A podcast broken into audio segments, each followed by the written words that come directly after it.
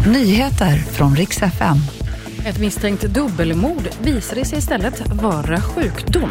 Och förra årets allra mest googlade man, nu är han tillbaka efter kollapsen.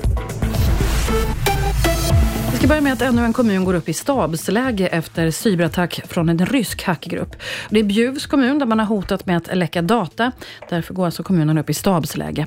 Vi står på tårna och är beredda på vad som komma kan, säger deras tillförordnade kommundirektör. Läkemedlet Intuniv som används för barn och vuxna med ADHD är slut i precis hela landet, rapporterar NSD. Om man ska sluta använda det här så rekommenderas att man gradvis trappar ner, men det ska självklart göras tillsammans med en läkare. Prognosen är att medicinen finns tillbaka i mitten av mars. Och förra årets allra mest googlade man är tillbaka efter kollapsen. Det är David Richards som hamnade i fokus förra året när han kollapsade på scen, mitt under Allsång på Skansen.